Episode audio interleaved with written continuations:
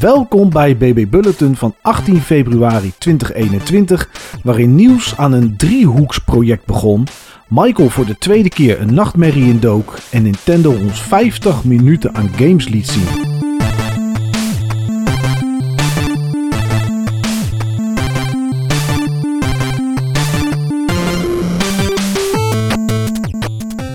Driehoeksproject, Niels. Het, uh, ik denk dat bijna niemand weet wat je bedoelt. Tenzij ze gisteren gekeken hebben naar de Nintendo Direct. Want daar zat dit in, hè? Klopt, ja. Er zat een nieuw project in. En over de Nintendo Direct hebben we het zo nog. Maar een van de games die daarin werd getoond, die ik helemaal niet had verwacht overigens, was, um, hoe noemden ze het ook weer? Project Triangle Strategy. Triangle Strategy, inderdaad. Dat is de, de tijdelijke naam. Een, uh, een tactical RPG. En nou ja, nu we het er toch over hebben. Ik dacht eerst dat het Fire Emblem was. Een of andere remaster. Dat dacht ik dus ook. Ja. Ik, uh, en dat is niet zo raar, denk ik. Omdat je in het begin die kleuren zag. Je zag blauw, rood en groen of zo. Uh, op zo'n soort, ja, zo'n soort weegschaalachtig iets als vlammetjes. En dacht ik, oké, okay, dit, dit ken ik wel in ieder geval eh, uit meer games. Maar in ieder geval uit Fire Emblem.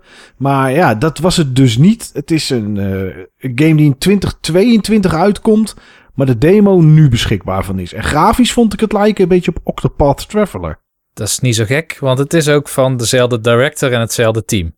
Ah, kijk, kijk. Ja, ja dat is best wel cool, want ze hebben dus deze maand, hoe heet die game ook weer? Uh, Bravely Default 2. Ja. En dan inderdaad volgend jaar uh, deze game, die we dan nu nog maar eventjes Project Triangle Strategy noemen. Maar ze zijn behoorlijk bezig daar. En ja, ik vond Octopath Traveler echt een fantastische game. Ja. En de eerste demo die had mij niet overtuigd. Maar ik heb het toch geprobeerd daarna. De demo die was vrij lineair. Het was, volgens mij had je drie routes of zo, die ik, drie van die poppetjes die ik kon kiezen. En dat was een heel klein stukje uit chapter 1 of zo gepakt. Maar het voelde heel lineair. Terwijl als je de echte game speelt, dan heb je juist van dat je alle kanten van de wereld op kan. En uh, je kan in elke volgorde dat je wil ook die main characters ophalen. Je kan ze zelfs achterlaten als je geen zin hebt om ze op te halen. En met name het battle systeem. En hoe je dan groeit met al die jobs en die skills die je dan ontwikkelt. En die poppetjes laat samenwerken. Daar heb ik meer dan 75 uur aan plezier van ervaren. Ja. Dus ik was heel benieuwd naar deze game. Um, niet alleen omdat die uh, duidelijk gebaseerd is op Octopath Traveler. Maar ook omdat ik dacht, ja, dit is ook nog een strategy RPG. Een van mijn favoriete genres. Weet je wel, Fire Emblem en uh, Final Fantasy Tactics en zo. Ja. En wat ik tot nu toe heb gespeeld, uh, de demo heeft volgens mij twee of drie maps. En ik heb er één van gedaan. Gewoon de eerste, de eerste chapter. Die maakt heel erg nieuwsgierig. Oké. Okay. En dat komt omdat als ik vergelijk, deze game die lijkt het meest maar, op Tactics Ogre Final Fantasy Tactics. Dus je hebt een poppetje, die verplaats je, die laat je iets doen. En daarna geef je aan welke kant hij op moet kijken. Dus het is niet als Fire Emblem, weet je wel. Jouw team gaat eerst, dan het computerteam. Maar elk poppetje heeft een soort initiative. En op basis van het initiative ben jij aan de beurt. En je ziet onderin ook een soort van tijdlijn. Zo van na jouw beurt komt dat poppetje en daarna dat poppetje. En daar kun je dus rekening mee houden met hoe je dan die poppetjes laat samenwerken. En dat samenwerken is heel erg cool in deze game. Want elk karakter is niet een soort van generieke class of zo. Maar heeft ook nog eens binnen die class hele specifieke moves. Dus ik heb bijvoorbeeld een soort van magier en die kan dingen met ijs. En die kan muren uit de grond trekken. Zeg maar. Dus je kan obstakels in de wereld plaatsen, waardoor de AI van de tegenstanders een omweg moet gaan lopen. En een ander ding wat je hebt bijvoorbeeld is, um, je hebt een, een assassin-achtig type of een rogue. Ik weet eigenlijk niet hoe de class heet in deze game. Maar die kan onzichtbaar worden. Die kan op een of andere manier soms twee keer aan de beurt zijn. En die kan een soort van sleep stab doen. Dus die kan dan snijden en dan is er een kans dat het karakter van de tegenstanders in slaap valt. Dus elk poppetje van de, volgens mij een stuk of tien of zo, die je in het begin bestuurt, die voelt echt uniek. En ik merkte ook dat naarmate ik zo'n poppetje iets meer liet doen, op een gegeven moment ging er iemand level up en het kwam er gewoon nog een skill bij. Oké. En als je dit dan allemaal samenpakt met wat de trailer liet zien, want dit is dan nog redelijk Final Fantasy Tactics. Ik verzet mijn poppetje. Uh, vervolgens zeg ik wat voor attack die moet doen. Ik had meestal twee, drie of vier skills of zo om uit te selecteren. Van bijvoorbeeld één is een soort van attack op het vakje zeg maar naast je, of het poppetje op het vakje naast je. En dan heb je misschien nog een ranged attack of zo, of je hebt een buff of debuff. En je hebt altijd nog een paar items bij je om te healen, of een soort van fireball of zo kon je ook geloof ik gooien. Maar de trailer liet ook zien dat je op een gegeven moment ook bijvoorbeeld een poppetje hebt wat bijvoorbeeld het weer kan bedienen. Dus dan kun je het laten regenen terwijl de dingen in de fik staan. En dan wordt dat gebied juist weer begaanbaar. Um, en ik kan me voorstellen bijvoorbeeld dat je met water en die ijs skill die mijn magician nu had, dat je daar ook straks hele coole combinaties mee kan doen. Dat is in Breath of the Wild. Ja, volgens mij zag ik in de trailer ook iets met water en daarna bliksem. Oh ja, dat je inderdaad kon elektrocuteren, ja. Ja, ja, ja. ja. Ja, en dat alles zeg maar in een setting die eruit ziet als Octopath Traveler. Maar ik zou zeggen dat de karakters iets serieuzer voelen. Het zijn ook andere namen, weet je wel. De voor Octopath was echt heel erg fantasy-based. En dit ook, maar misschien wat meer gegrond in ja, een, een soort Game of Thrones-achtige setting. Want volgens mij is het idee ook dat je drie grootmachten hebt. En die grootmachten hebben allemaal een monopolie op een bepaalde grondstof. Eén op ijzer, één op water en één op zout. En dan binnen een van die grootmachten is een soort ja, koep wordt, die, wordt er dan gepleegd. En jij ontsnapt daaraan. Je bent dan eigenlijk iemand van een klein dorpje dat volgens mij niet zoveel voorstelt. Maar jij trekt dan samen met de kroonprins of zo. Ik weet eigenlijk niet welk karakter dat is. En probeert die oorlog in eerste instantie te ontsnappen, maar waarschijnlijk ook op de langere termijn op te lossen. En wat dit spel doet, wat ik andere games in dit genre nog niet echt heb zien doen. Fire Emblem Three Houses doet het een beetje. Maar um, je hebt dus allerlei karakters die je dus tegenkomt in die wereld, in het spel. En die kun je ook toevoegen aan jouw team. Alleen welke karakters je wel en niet kan toevoegen, hangt af van een soort van morality system. Net als dat je in de BioWare games wel ziet. Ja, ja. En een morality system, dat is eigenlijk hier dus die weegschaal die je in de trailer zag, die, met die drie schaaltjes erop. Mm En die staan voor utility, een soort van pragmatisme, zeg maar. Morality, dus dat je het wil doen wat het eigenlijk het goede is. En liberty. Um, ja, ik weet eigenlijk niet precies waar dat precies naar vertaalt. Maar elke keer als je een belangrijke NPC tegenkomt en daar heb je een gesprek mee, dan heb je vaak drie keuzes in de dialoog.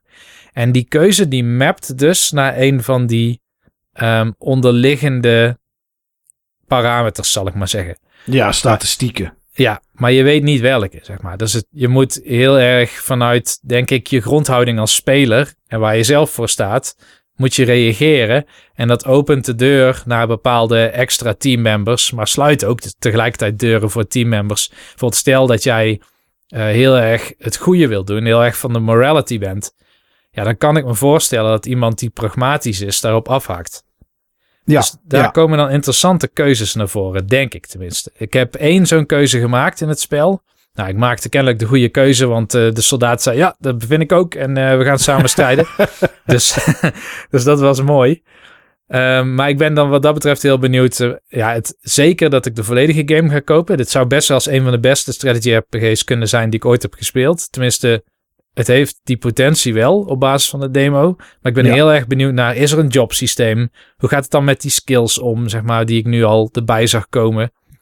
Um, ja, uh, krijg je nog meer variatie in skills, zoals die rogue en die, iemand die het weer kan beïnvloeden. En ik had bijvoorbeeld iemand met een boog en die kon ook vijanden zeg maar binden, dan zet je ze vast op de plaats.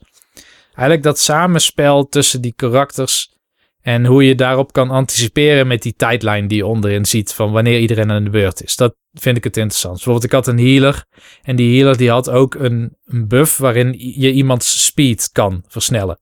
Oké, ja. En ik dacht, wat doet dat dan? Nou, dat versnelt de snelheid waarmee die weer aan de beurt komt in die tijdlijn. Ja, precies. Dus toen dacht ik, oh, dat is handig, want het is niet makkelijk, deze demo. Uh, het is ook niet moeilijk, maar het is zeker, uh, te weten, niet iets wat je automatisch haalt de eerste keer dat je het doet. Um, dus toen moest ik al nadenken over wie laat ik nog een turn doen. En toen heb ik mijn healer nog een turn laten doen, omdat ik altijd wat defensief speel bij dit soort spellen. Ja. En dat werkte, zeg maar, die strategieën. En dat soort dingen bedenken, dat is waar Octopath ook heel erg naar uitblonk en waar ik heel erg naar uitkijk voor het volledige spel. Ja, ja, ja, zeker weten. Dat is, dat is inderdaad heel tof. En ik zag ook dat ze, net zoals dat ze bij Bravely Default 2 deden, dat er een, op een gegeven moment een soort survey komt, een, een onderzoek van wat je ervan vond, wat je graag anders zou willen zien en dat ze dan gaan kijken of ze dat soort dingen kunnen meenemen. Dus het is, ik snap ook wel, hè, een game die in 2022 komt, dat ze nu al een demo uitbrengen zodat mensen kunnen op, uh, ja, erop kunnen reageren en aan kunnen geven wat ze tof vinden en wat ze niet tof vinden, inderdaad. Ja, ja ik ben benieuwd, want deze game, in tegenstelling tot Bravely, die noemt wel letterlijk chapter 6 wanneer je de demo start. Dus het lijkt meer op die tweede demo van Octopath Traveler. Volgens mij is het wel een echt stukje van het spel. Ja, precies. Ja. Ja, ik ben benieuwd. Misschien dat ik die ook wel even ga proberen. Uh, Fire Emblem is dan niet helemaal mijn ding, maar uh, Ogre Tactics op de GBA was dat volgens mij? Onder andere, ja. Ja, precies. Die van de GBA, die heb ik gewoon, die heb ik gewoon helemaal, helemaal doorgespeeld, helemaal uitgespeeld. Final Fantasy Tactics heb ik ook een heel stuk gespeeld op de GBA destijds. Dus ik, op zich vind ik dat wel, vind ik dat toch wel tof. Dus, uh, maar goed, ja, uh, leuk uh, Niels, om even te horen inderdaad of het ook echt iets is. Maar het, het lijkt dus wel echt iets te gaan worden. Afgelopen, nee, vorige week zelfs, toen zei ik van ik hoop dat mijn TV-edition van Little Nightmares 2 binnenkomt. want daar had ik echt wel zin in om dat te spelen. Nou, dat is een klein beetje anders gelopen, maar toch lag er zaterdag een, een editie op mijn mat. En uh, toen ben ik afgelopen zondag begonnen, ergens in de middag. En tegen de avond, nou ja, als ik iets langer mijn ogen open had gehouden, had ik hem, uh, had ik hem uitgespeeld. Uh, dus dat is de maandagavond gebeurd. Little Nightmares 2 is klaar. En ja, dat voelt het toch een beetje vreemd, zeg maar. Dat je dat je 50 euro neerlegt voor iets wat je eigenlijk in een uurtje of zes wel uit kan spelen. En wat ik eigenlijk denk ik in een uurtje of zes, zeven ook wel gedaan heb. Maar goed, ik ben nog een avondje doorgegaan om uh, alle achievements te halen. Ja, en dan, dan is er echt niks meer te vinden. Maar dat is wel, um, als je deze reeks leuk vindt, is wel aan te raden. Omdat er dan een, een extra stukje einde aan de game zit. Ik zal niet vertellen hoe en wat uiteraard, want dat is spoilen. Maar uh, dat zet sommige dingen... Nou nee, dat zet eigenlijk heel de game in een ander daglicht.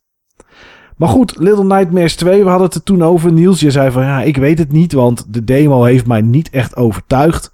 En toen was het aspect uh, wat jij, waar jij je afvroeg of dat erin zat, het verstoppertje spelen, zeg maar, wat je in Little Nightmares 1 uh, ja, redelijk vaak aan het doen bent. Nou, ik kan je vertellen, dat zit er uh, zeker in. Het is een, uh, een game die qua sfeer, qua muziek, geluid, alles wat daarbij komt kijken en het grafische um, een behoorlijke ja, verbetering is ten opzichte van, uh, van Little Nightmares 1. Um, maar er zijn ook een aantal dingen die minder zijn dan Little Nightmares 1. En dat, dat, die, val, ja, die vielen mij wel heel erg op. Um, de game is een, ja, is een soort hide and seek, tenminste de eerste. Maar in de tweede zit bijvoorbeeld ook combat. Um, het is geen combat dat je met een gun rondloopt en dat je alle tegenstanders neer kan schieten of wat dan ook. Maar je kan hier en daar, als de game wil dat het kan, kan je wat wapens oppakken om daar bijvoorbeeld wat kleine tegenstanders mee tegen de vlakte te slaan. Het wordt nooit zo groot als eindbazen neerslaan. Maar um, het, het, het is wel een behoorlijke verandering. Omdat er ook timing bij komt kijken. En, en, en dat soort dingen. De eerste game die kon je spelen. En als je zorgde dat je platforming in orde was, kwam je er wel redelijk doorheen. Ja, hier zitten toch wel soms frustrerende stukjes tussen. Waarbij je een wapen in je handen hebt. En ja, je gewoon op twee of drie tegenstanders in moet slaan. En dat gewoon niet altijd in één keer lukt. Um, het grootste ding wat ik minder vind aan Little Nightmares 2 is de wereld. In deel 1 speelt zich dat allemaal eigenlijk op één plek af. En dat is dus ja, een, een samenhangende omgeving. In Little Nightmares 2 loop je door een stad heen. Je begint in een, in een bosachtige omgeving. Daarna kom je in een stad en die stad neemt je mee naar drie verschillende grote gebouwen. Een, een, een ziekenhuis en Um, en een winkelgebied, zeg maar, en een school. En die zijn stuk voor stuk zijn die heel tof. En die hebben hun eigen uh, mechanics, die hebben hun eigen uitstraling, hun eigen tegenstanders. Alleen is het wel is het daardoor, ja, het voelt een beetje makkelijk of zo, zeg maar. Het is, ja, het is gewoon één en, en één, één stad. En daar kan je natuurlijk alles in doen wat je wil. Alleen dan voelt het niet zo, um, niet zo'n eenheid als in deel 1. In deel 1 had ook voor mij, um, toen, je hem, toen je hem aan het spelen was, een duidelijke opbouw van waar deze nachtmerrie over ging. Of waar het naartoe werkte, zeg maar. Naar, naar een soort van vraatzucht, hebzucht. Um, als je zo'n thema zoekt in deel 2, wordt het een heel stuk lastiger. Aan de andere kant is het verhaal wat Little Nightmares 1 en 2 eh, zeker gelijk hebben, zeg maar, wat, wat, waar een verbondenheid in zit, die is wel een heel stuk interessanter. Die, um, zeker als je de eerste gespeeld hebt en die staat nog een beetje in je geheugen wat daar gebeurde, dan is het, uh, ja, is dit een heel leuk universum wat ze aan het maken zijn. En ik, ik hoop dat we er nog meer van gaan zien. Um, is het een moeilijke game? Nee, hij is minder moeilijk, vond ik, dan het eerste deel. Het eerste deel, um, ja, daar heb ik wat vaker vastgezeten. Hier liep je eigenlijk redelijk snel doorheen. Uh, de puzzeltjes zijn niet echt heel ingewikkeld. Uh, dat met die tegenstanders, ja, dat heb je soms wel. Maar ja, een paar keer proberen en dan kom je daar wel doorheen. Maar het is, um, ja, het is een leuke game deals. Ik denk dat dit jou toch wel zou bevallen als je dit zou gaan spelen. Hmm. Ja. Ja, ja, ja. Weet je, je bent, je bent wel echt wel ook aan het wegduiken en, en, en aan het sluipen. En daar zitten, zitten wel hele toffe tegenstanders en, en ook wat keuzes aan die, uh, die de game heel erg interessant houden. Um, Uiteraard zit, net zoals in het eerste, nou ja, uiteraard, eigenlijk hoort het niet, maar ja, het is, uh, het is natuurlijk toch een soort van 2,5D, zeg maar, wat je aan het doen bent.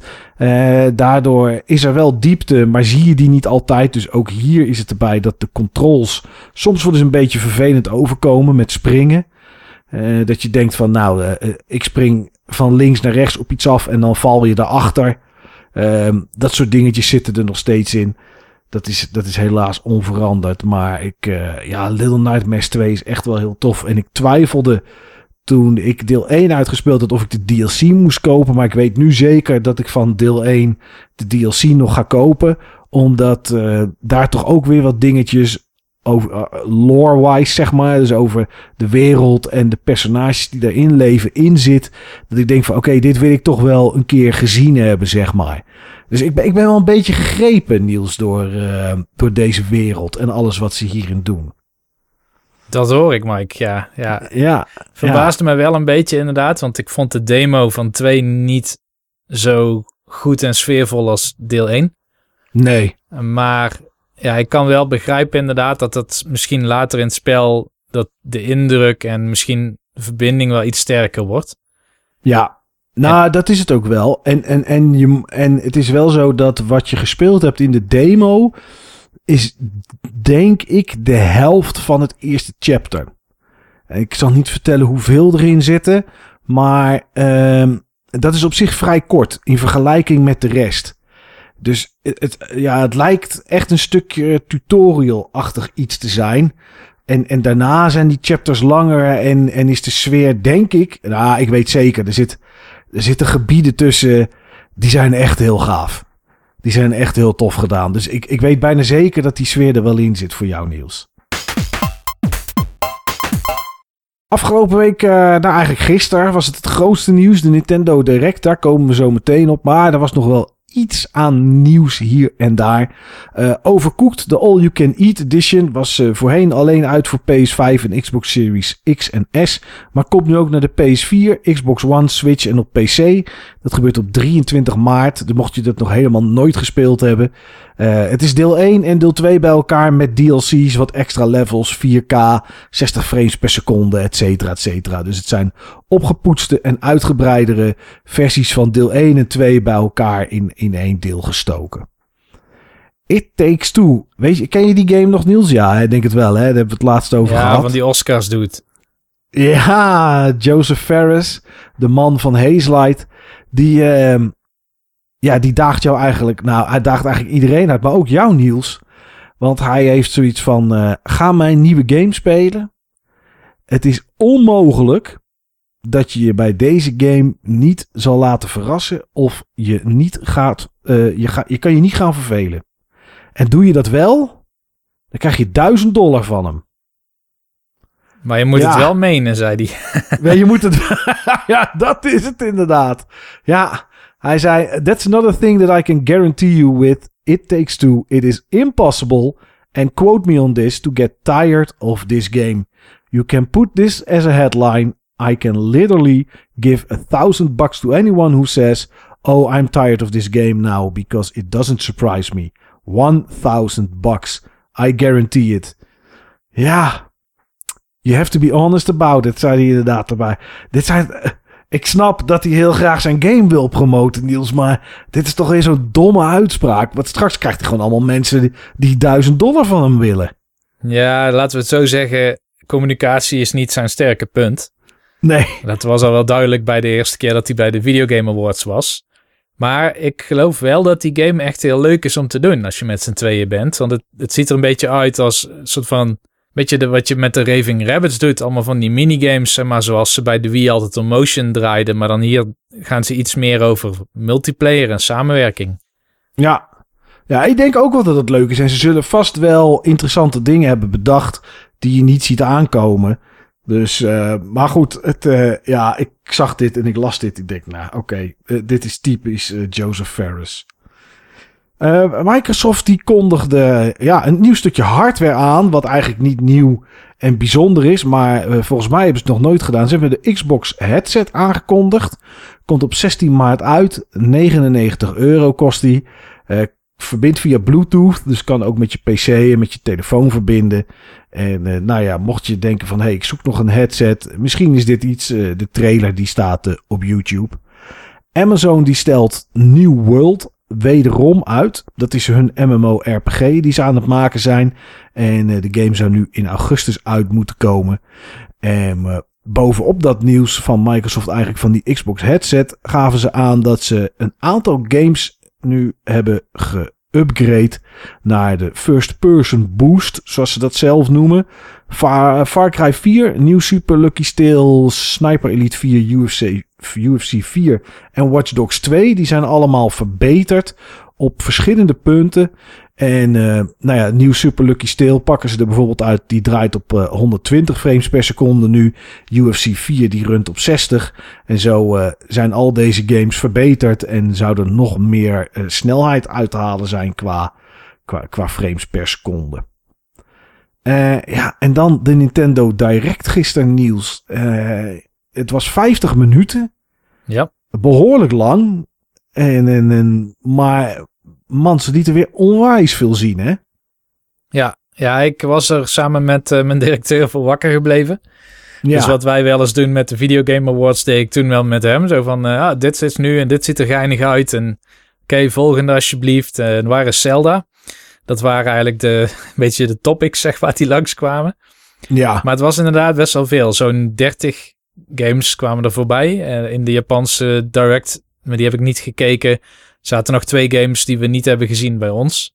Een uh, Shin-Chan game, uh, waar ik niet zoveel mee heb. Dus dat, dat valt dan weer mee. Ja. En de andere was, um, oh ja, Caligula Effect 2. En dan okay. denk je, wat is dat? Nou, Caligula ja. Effect 2 is het vervolg op Caligula Effect 1. Oké. Okay. Nou, dat is super zeg. uh, die heb ik gespeeld, Caligula Effect 1. Want dat is een third-person dungeon crawler van de schrijver van de oude Persona games. Dus degene die de karakters en de, en de verhalen daarvan heeft geschreven. En de muzikant van de oude Shin Megami Tensei games. Dus het is best wel een cool team. Maar ze hebben toen ooit zo'n game gemaakt en die kwam toen echt voor de Vita. En het was ja, heel duidelijk een soort van Persona rip-off. Um, ja. Maar die is het gewoon niet echt, zeg maar. Ik mm. heb het geprobeerd een paar uur, kwam er niet doorheen. Maar is die game, dat eerste deel is wel naar het westen toegekomen dan? Of heb je die geïmporteerd of zo? Nee, die is uiteindelijk naar de PlayStation 4 en de Switch gekomen in het westen. Oké, oh, oké. Okay, okay. Nou, dat zal deze game dan nog wel niet zijn. Want anders hadden we hem waarschijnlijk ook wel in de westerse eh, Nintendo Direct gezien, denk ik. Ja, ja, het is ook van Furieux. En dat is een developer waar je bijna nooit iets van hoort. Nee, nee, ken ik ook totaal niet, inderdaad. Maar goed, uh, een aantal dingen die wij interessant vonden of, uh, of opvielen, die, nou, die zullen we er even uitpikken. Ja, laat, laat ik met één beginnen, Niels. En dat is misschien, ehm, nou, ik zal niet zeggen de grootste, maar wel de ene laatste. The Legend of Zelda Skyward Sword HD komt naar de Switch.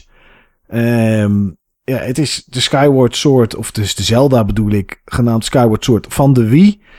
Uh, ja, de, wederom een game van de Wii die naar de Switch komt.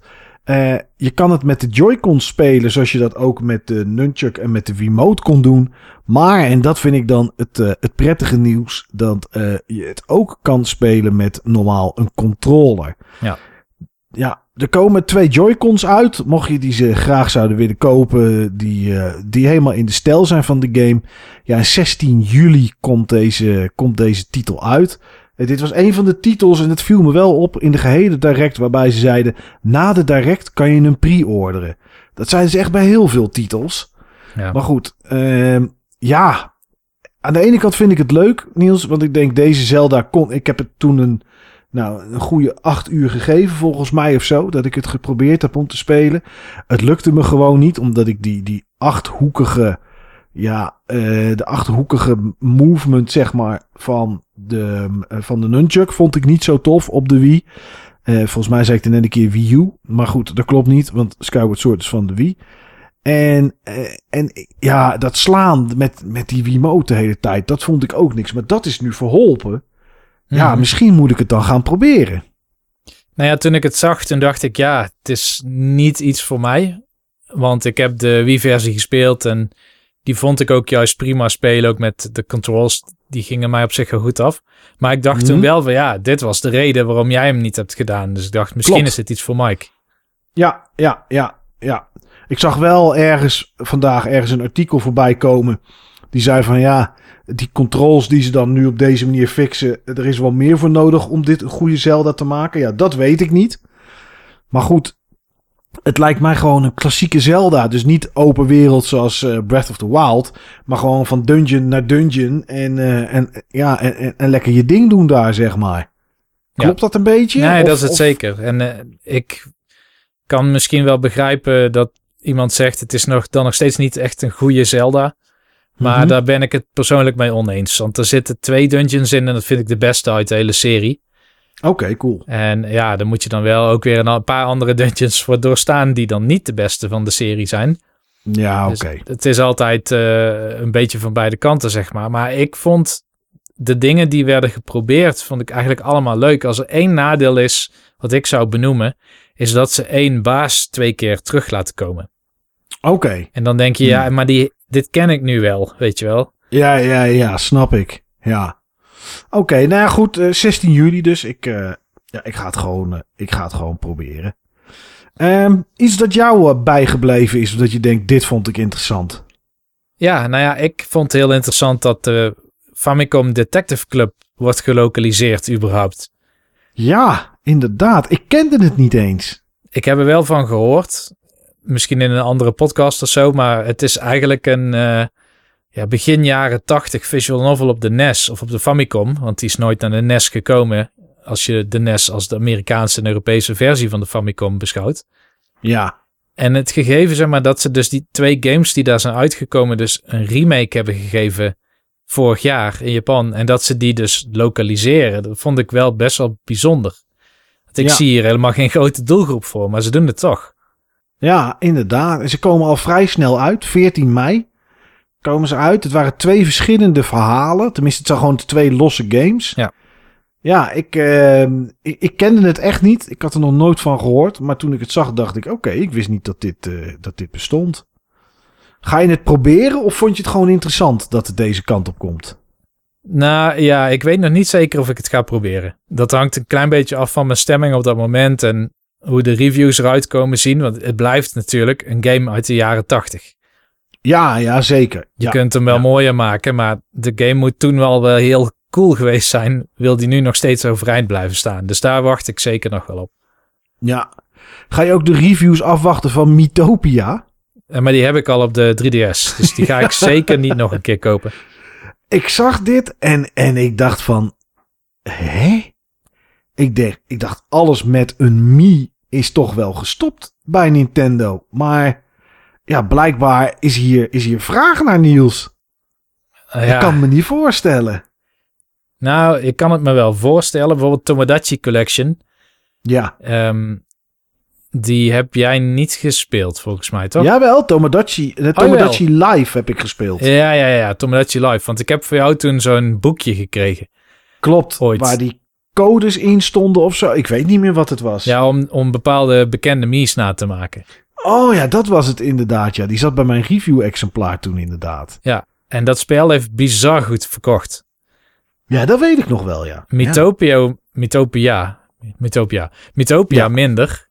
Ehm, maar het idee dat je jouw echte werkelijke vrienden of je familie in een game kan stoppen en dat je daar dan samen een avontuur mee beleeft, vind ik op zich een leuk idee. Ik heb het alleen nog nooit geprobeerd en ik vind het net niet leuk genoeg om dat dan te doen in plaats van de demo van eh, die, die project. Project Triangle. Precies. maar misschien komt het er nog wel van. En helemaal als die game dan uiteindelijk weer uitkomt, als dan blijkt dat een aantal mensen toch best op aangaan, dan ga ik gewoon de 3DS-versie proberen. Ja, precies.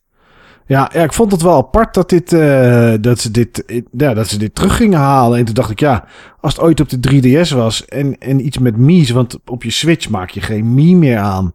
Weet je, dat was, dat was Wii en Wii U en 3DS. En, en dat, ja, nu is dat gestopt, maar ja, het komt toch weer, eh, toch weer terug. Ja, waar het ook in terugkwam, is in die Mario Golf Super Rush. Nou, inderdaad, ja, daar heb je gelijk in, in die story mode of zo, hè? Klopt. Ja, Ja, dit is wel een game die ik zeer waarschijnlijk ga kopen. En dat komt omdat de, ik heb heel lang geleden Mario Golf Toadstool Tour heette die, denk ik. Tenminste, de, de Gamecube versie was het. ja, Die heb ik heel veel gespeeld met een neef van mij. En die neef van mij die heeft ook een Switch gekocht. En de kans dat hij hem koopt is zeer groot. En die nieuwe Speed Golf mode, die ziet er echt super grappig uit. Als die online kan, wat het Speed Golf inhoudt, is dat je niet meer netjes om de beurt wacht om een bal te slaan. Nee, je slaat hem, je rent zo hard als je kan naar die bal toe en je slaat hem verder. Dus het wordt een soort combinatie van hoe goed kun je golfen en hoe goed eh, kun je zeg maar rennen. Of ja, ja, en special, en special moves erbij, Ja. zag ik. Ja, Typisch Des Mario's natuurlijk, om, ja, een power-up in te zetten of dat soort dingen. Maar ik vond het er ook heel leuk uitzien. 25 juni komt het overigens uit en het is nu ook te pre-orderen. Ehm, en Joy-Con movement zat erin, dus je kan de Joy-Con gebruiken zoals je je Wiimote kon gebruiken. Je kan gewoon echt in de kamer staan en gaan slaan. Maar die Speed Golf inderdaad, dat was wel heel tof. Ja, en Story Mode inderdaad, daar, waarbij je een, een Mii maakt. Eh, of misschien wel importeert van je Mythopia tegen die tijd. Die komt 21 mei uit, dus die is er eerder. En daar kon je echt een story mode mee gaan spelen. Echt een verhaal met dat je beter wordt en dat soort dingen allemaal. Dus er is best wel wat eh, tijd aan besteed, denk ik, eh, Niels. Aan Mario Gold Super, Golf Super Rush. Ja. Ehm, ja, Fall Guys was wel te verwachten, maar ik eh, had niet verwacht eh, dat het... eh, ja, het is zo'n game die bij, bij mij een beetje van de radar afvalt de hele tijd. Dan zie ik het weer en denk ik, oh ja, Fall Guys. En dan denk ik, oh nee, Fall Guys. maar goed, het, deze Switch, deze Switch, nee, deze zomer komt het naar de Switch. Voor als mensen die erop zitten te wachten. En ik denk dat jij blij werd van de allereerste aankondiging, Niels, of niet? Nou, blij werd, nou dat is een beetje apart inderdaad. Want ik zag het. Ik dacht meteen Xenoblade. Ehm, Ja. Toen zag ik not real gameplay footage of zo wat dan onderin stond. Mhm. Dat doen ze altijd bij Smash trailers. Dus ik dacht toen al van, oh ja, of het is Smash. En toen dacht ik, waarom zouden ze nu nog een keer Xenoblade 2 DLC uitbrengen? Wat zit Ja. daarin voor Monolith Soft? Zeg maar? Wat, dat verkoopt bijna niet, weet je. Je kan dan beter, vooral zo lang na dato, kun je beter Xenoblade 3 maken. Dus ik, toen had ik een klein beetje door dat het zeer waarschijnlijk Smash was.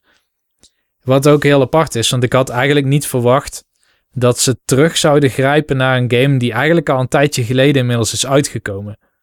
Ja, Ze ja. komen, wat was de vorige Sephiroth of zo, weet je wel? Dat is echt zo'n onwijs karakter wat je niet kan bedenken dat in Smash Brothers komt. Omdat het bijna te ingewikkeld is om die licentie te krijgen, zou je haast verwachten. Ja, En dan daarna komt gewoon Pyra eh, van eh Xenoblade Chronicles 2. Eh, Een karakter waar mensen best wel gemixt over zijn. Maar die ik wel heel cool vind. ja, ja het is, eh, er stond nog geen datum bij of iets. Maar eh, Pyra en Mira was het, geloof ik? Ja. Mithra. Mitra, die twee die, eh, die komen inderdaad naar, naar Super Smash Bros. Ultimate. Ja, ik, ik vond het wel. ja, ik, vond het, ik vond de aankondiging ook niet zo spectaculair. Meestal is dat wat beter. Tenminste, vind ik dan. Ja. En deze was, ja, ja, was een beetje matig.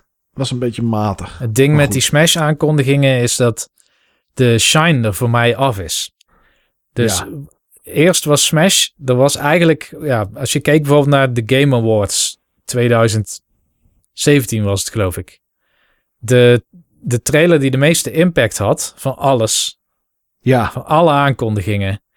En er zaten echt grote releases tussen. Was een poppetje voor Smash, dat was Joker. Heel Ja, de zaal inderdaad. dacht toen ondersteboven, weet je wel. En dat was echt in een periode dat eigenlijk het rooster was compleet. En er zouden nog extra poppetjes komen. En het, het speculeren over wie zou dat kunnen zijn. En dan ontdekken dat het dan iemand is die je eigenlijk echt niet had kunnen verwachten. Zo'n Joker uit Smash. Of die dude van eh, Minecraft of zo, weet je wel. Hele rare Ja, ja, ja. combinaties. En dan Sephiroth, die niemand had verwacht. En dan vervolgens is het een poppetje uit een game die in 2017 is uitgekomen. Waar je had gedacht in die tijd van die zit waarschijnlijk wel in Smash, maar die kwam er niet in. ja. Ja, ik geloof dat ze nog twee personages dit jaar of zo gaan doen, hè? Dat zit geloof ik in de, in de Season Pass of zo, of hoe, hoe ze het ook noemen. Ja. Eh, nou ja, misschien zijn die iets, iets interessanter. Of, of de aankondiging in ieder geval iets interessanter. Ja, dat, voor mij was dat eigenlijk wel het belangrijkste. Maar ik denk dat jij er nog wel één hebt, hè? Die denk de allerlaatste, of niet? Ja, nee, ik zat eventjes te kijken inderdaad bij de aankondigingen. Het is interessant dat zo'n game als Outer Wilds alsnog naar de Switch komt. Ja, Wat natuurlijk een de hele zomer grote game is ja. geweest. Dat er twee weer Microsoft games tussen zitten. Gewoon out of the blue. Stubbs the Zombie is volgens mij inmiddels van Microsoft. En Eh, ja, klopt, ja. Plants vs. Zombies natuurlijk ook. Eh, die is van EA. Ah, is die van EA? Ja, Ah, ja. Plants vs. Zombies is EA. Dat was eerst eh, PopCap. Mhm. En dat is opgekocht door EA. Ja, oké. Maar ik vond het wel apart dat dat ook kwam, inderdaad. Want Plants vs. Zombies 2, ik weet niet of dat die Battle for Neighborville was. Volgens mij niet. Ehm, die is al een redelijke tijd uit. Ik denk al een twee jaar of zo. En, en ja, voor de rest is het helemaal niet zo meer in het nieuws eigenlijk. Of, of, of zie je er niet zoveel meer van. Nee. Van Plants vs. Zombies. Maar 19 maart komt die uit in ieder geval. Eh, ik denk, dat, dat vind ik nou echt zo'n titel dat ik denk... Nou, ik denk niet dat dit heel erg gaat verkopen. Maar ja, Nee. Misschien ver- verrast het ons wel. Nee, maar inderdaad, die laatste game. eh, die ik echt niet had geraden overigens. Ik had echt niet gedacht. Dat was Splatoon 3. Ik had niet gedacht Nee. dat er nog een Splatoon zou komen. Niet op dit systeem althans. Nee, nee. En wel mooi, want ik vind Splatoon echt een van de hipste nieuwe IP's van de afgelopen generatie. Ja, De vorige generatie had heel weinig eigenlijk nieuwe IP's. Hè? Het waren bijna allemaal voortbeduringen. ja, ja, deeltje 4 en deeltje 3 van heel veel dingen. Ja, precies. En dan heb, nou, dan heb je een paar uitschieters dan. En dat zijn dan dingen als Ghost of Tsushima, Sea of Thieves waarschijnlijk dan en, en Splatoon. Dat zijn wel grote eh, nieuwe IP's die erbij zijn gekomen. Ja. Maar was een derde echt nodig? Ja, dat weet ik niet. Ja, ze hadden ook deel 2 langer kunnen ondersteunen. Maar misschien gaan ze wel iets heel anders doen. Ja, dat zou natuurlijk zomaar kunnen. Het zag er wel, de gameplay die we zagen, zag er wel vertrouwd uit. Ja, ik zag niet van, oh, dit is duidelijk, zeg maar, de volgende stap of zo. Nee, nee. Maar ik Maar- ben zeker wel heel benieuwd. Maar het is wel, weet je, als je na meer dan een jaar tijd een Nintendo Direct krijgt, voor het eerst, Ja, dan zijn je verwachtingen misschien net te hoog voor zo'n moment. Dus hoe Ja. vet ik dan Splatoon 3 ook vind, en een aantal andere dingen die in de Direct zaten, er zat geen, ik noem maar wat, Metroid Prime 4 in. nee, Er zat geen Breath of the Wild 2 in. nee, Er zat geen Bayonetta 3 in. Nee, daar zag ik eh, gisteren zag ik iemand die zei die game is inmiddels 1160 dagen geleden of zo geloof ik aangekondigd. Ja, Ja. Dat, is, dat is meer dan drie jaar geleden. Ja, inderdaad. En, en daarna heb ik niks meer gezien. ik had Ja. misschien ook gehoopt dat het Mario Kart team iets nieuws had. Die, de vorige keer hebben ze ARMS gemaakt. Nou, dat is ook al uit 2017. Toch hebben, zat er wel iets in van het Mario Kart team. Oh ja? Ja, Knockout City Is dat van het Mario Kart team? Is gemaakt door EA en de Mario Kart ontwikkelaars. Ja, Knockout City is een multiplayer game. Volgens Oh. mij zag ik 12 poppetjes of zo. Oh jeetje, Niels, ik hoor echt zo. Oh. Eh, en het is volgens mij teams van drie tegen elkaar. Eh, het zou meer of minder kunnen zijn, maar dat idee.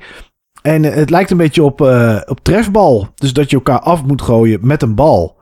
Ja. En dat is gemaakt door, eh, gemaakt door EA, wordt ook uitgegeven door EA. En daar hebben de Mario Kart ontwikkelaars hebben daar aan meegeholpen. Hm, Oké. Ja.